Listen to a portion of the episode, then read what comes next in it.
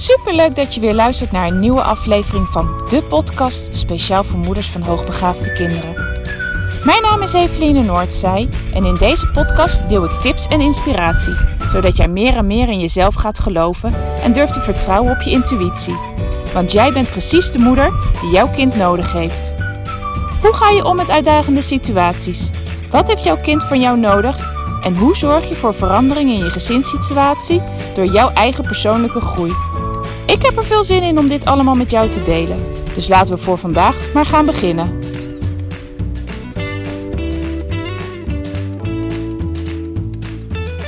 Ha, lieve luisteraar, leuk dat je er weer bij bent. Nou, deze ochtend neemt de podcast op een ander plekje op. Ik voel mezelf niet helemaal fit. Kon vanmorgen ook niet makkelijk wakker worden. Viel elke keer weer in slaap. En ik zal het wel even nodig hebben. Maar ik dacht, ik ga niet met drie kilometer wandelen. Ik uh, strijk even neer op een ander bankje bij ons aan de overkant van de sloot. Ook met uitzicht op de weilanden en de losse lopende koeien in het weiland. Met een heerlijk zonnetje erbij, dus het is weer prima vertoeven. En waar ik het vandaag met je over wilde hebben, is wat ik vorige week uh, besprak met een vader die met haar, uh, met haar, met zijn, zijn dochter bij mij kwam voor een intelligentieonderzoek. En ik wist al dat hij zelf therapeut is en in zijn eigen praktijk werkt met uh, hoogbegaafde volwassenen. En ik vroeg aan hem op een gegeven moment van wat is nou de reden dat deze volwassenen bij jou terechtkomen en dat ze hulp zoeken? En hij gaf aan dat dat heel vaak is omdat ze vastlopen in het werk. En vast, dus vastlopen met, met zichzelf ook. Door het zich al jaren anders te voelen dan anderen. En dat, uit, ja, dat ervaren ze met name omdat ze op een heel ander niveau denken.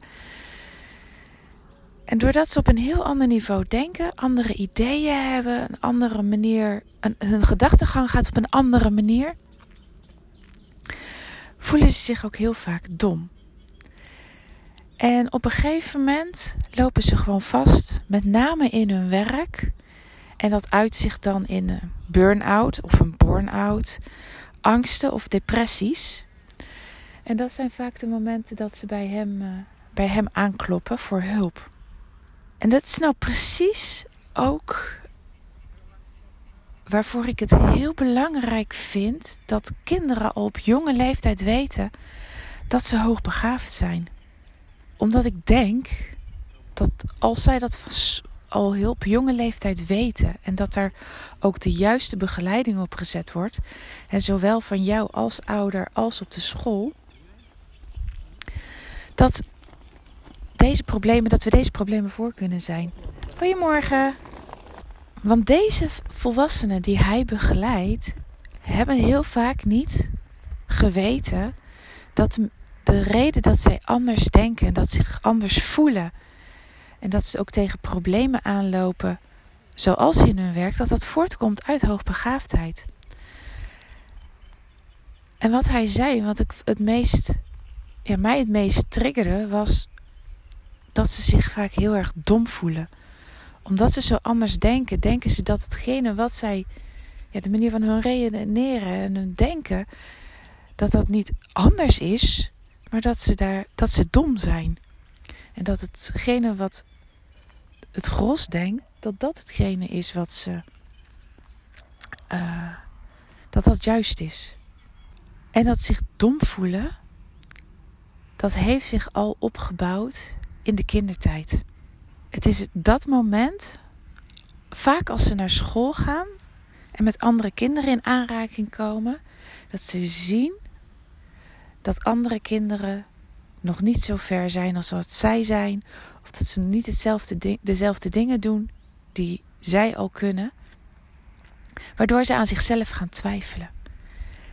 En dat is wat je ook heel vaak ziet, maar ook wat je vaak van andere ouders, wat ik van andere ouders terugkrijg, is dat het of zelfs al op de peuterspeelzaal of in de kleuterklas, dat ze thuiskomen met krastekeningen terwijl ze prachtig konden tekenen. Dat ze niet meer willen uh, lezen als ze dat al doen. Omdat uh, andere kinderen niet lezen. Eh, dat ze de puzzels die ze kunnen niet aangeboden krijgen, maar alleen maar makkelijke puzzels. Dat doet iets met jou als kind.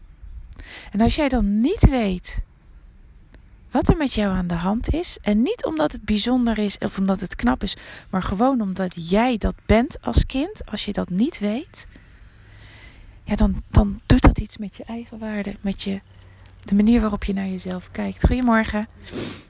En daar begint het zich dom voelen al. En dat wordt alleen maar meer op het moment dat ze gewoon mee moeten doen in de klas. Als kinderen de sommen krijgen die zij al lang beheersen, maar het op een bepaalde manier uitgelegd krijgen, gebeurt het heel vaak dat ze het niet meer begrijpen.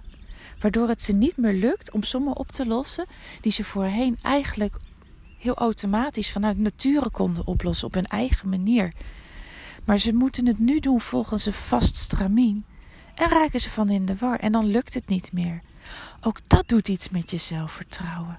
Ook dat kan het gevoel creëren dat je dom bent. Dus op het moment dat we met elkaar willen dat deze kinderen als volwassenen zichzelf heel goed kennen, lekker in hun vel zitten en niet bij deze therapeut terecht hoeven te komen, dan zullen we als ouders op jonge leeftijd moeten beginnen. En ik vind altijd dat dat een meersporenbeleid is, want dat, je hoort daar thuis mee aan de slag te gaan. Hè, door het kind mee te geven dat het prima is zoals het is, dat het prima is dat het anders is en ook de uitleg te geven waarom het zich anders voelt of waarom andere kinderen iets wel of iets nog niet kunnen, gewoon omdat jij bent wie je bent en dat dat prima is. En aan de andere kant zal het op school ook de begeleiding moeten krijgen die het nodig heeft. Wat betekent dat er een aangepast leerprogramma zal moeten zijn, aangepast op de behoeften van het kind, op de leerbehoeften van het kind. En als we het dan over de thuissituatie hebben, dan vind ik altijd op het moment dat je weet dat je kind hoogbegaafd is, dan zal er psycho-educatie, goedemorgen, zal er psycho-educatie plaats moeten vinden. Het kind heeft de uitleg nodig wat dat is, hoogbegaafd zijn. En ik hoor heel veel ouders dan tegen mij zeggen van ja, maar Eveline, straks gaan ze naast hun schoenen lopen, vinden ze zichzelf heel veel meer dan andere kinderen. Nou, dat hoeft helemaal niet. Als jij gewoon heel simpel op, op niveau van het kind kan uitleggen wat het is. En daarnaast kan benoemen dat dat niet beter is of meer is, maar dat dat gewoon is zoals jouw zoon of jouw dochter is, dan hoeven kinderen helemaal niet naast hun schoenen te gaan lopen. Leg gerust uit dat ieder kind anders is en dat het een hè, beter in sport is en dat de andere makkelijker leert en dat de volgende heel veel interesse heeft in bepaalde onderwerpen en dat een ieder kind goed is. Dan is er helemaal niks aan de hand. Maar het is de manier waarop jij er zelf ook in staat, de manier waarop jij het overbrengt. Als jij het zelf heel geweldig gaat vinden en vindt dat een kind meer is dan een ander kind, ja, dan zal jouw kind dat ook gaan overnemen.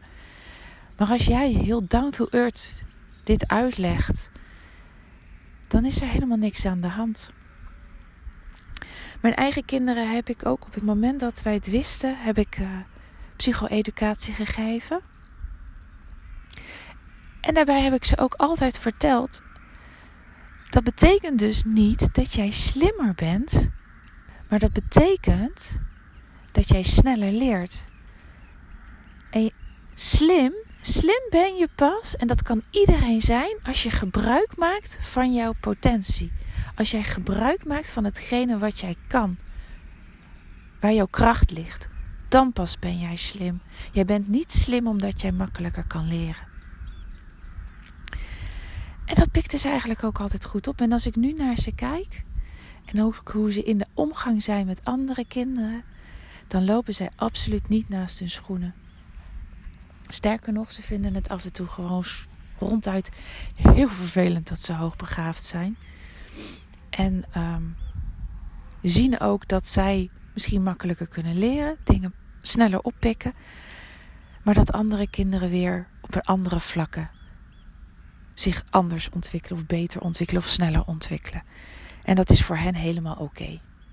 Dus het is echt de manier waarop je er zelf in staat. Maar het is zo belangrijk om die basis te leggen en je kind mee te geven wie ze zijn en wat ze kunnen, juist om de problemen op latere leeftijd te voorkomen.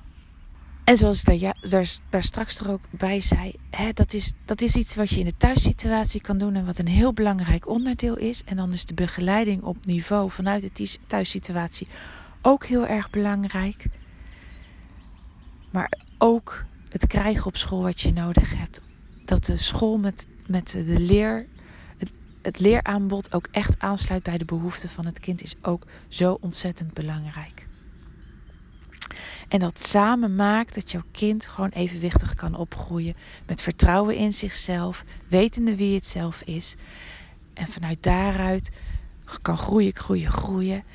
En ook straks een evenwichtige volwassene kan zijn. En op het moment dat jouw kind straks een evenwichtige volwassene is, hoop ik dat het zo sterk in zijn schoenen staat dat het niet meer nodig heeft om naar een therapeut te gaan. Dat is wat ik je vandaag mee wil geven.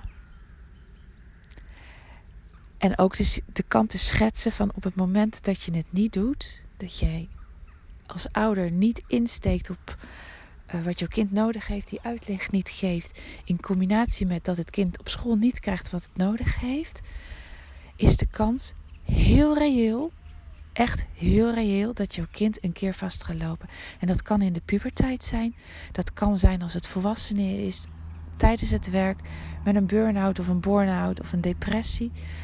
Um, maar een groot, een heel groot deel van de kinderen die niet de begeleiding krijgen die ze nodig hebben, die loopt ergens een keer vast en ontwikkelt psychische problematiek.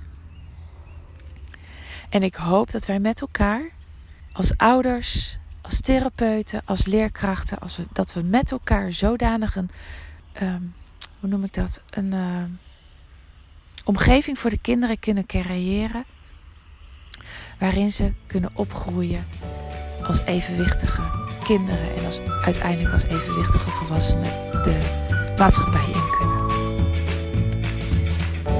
Ik ga afsluiten voor vandaag. Wens ik je weer een hele mooie dag en tot snel.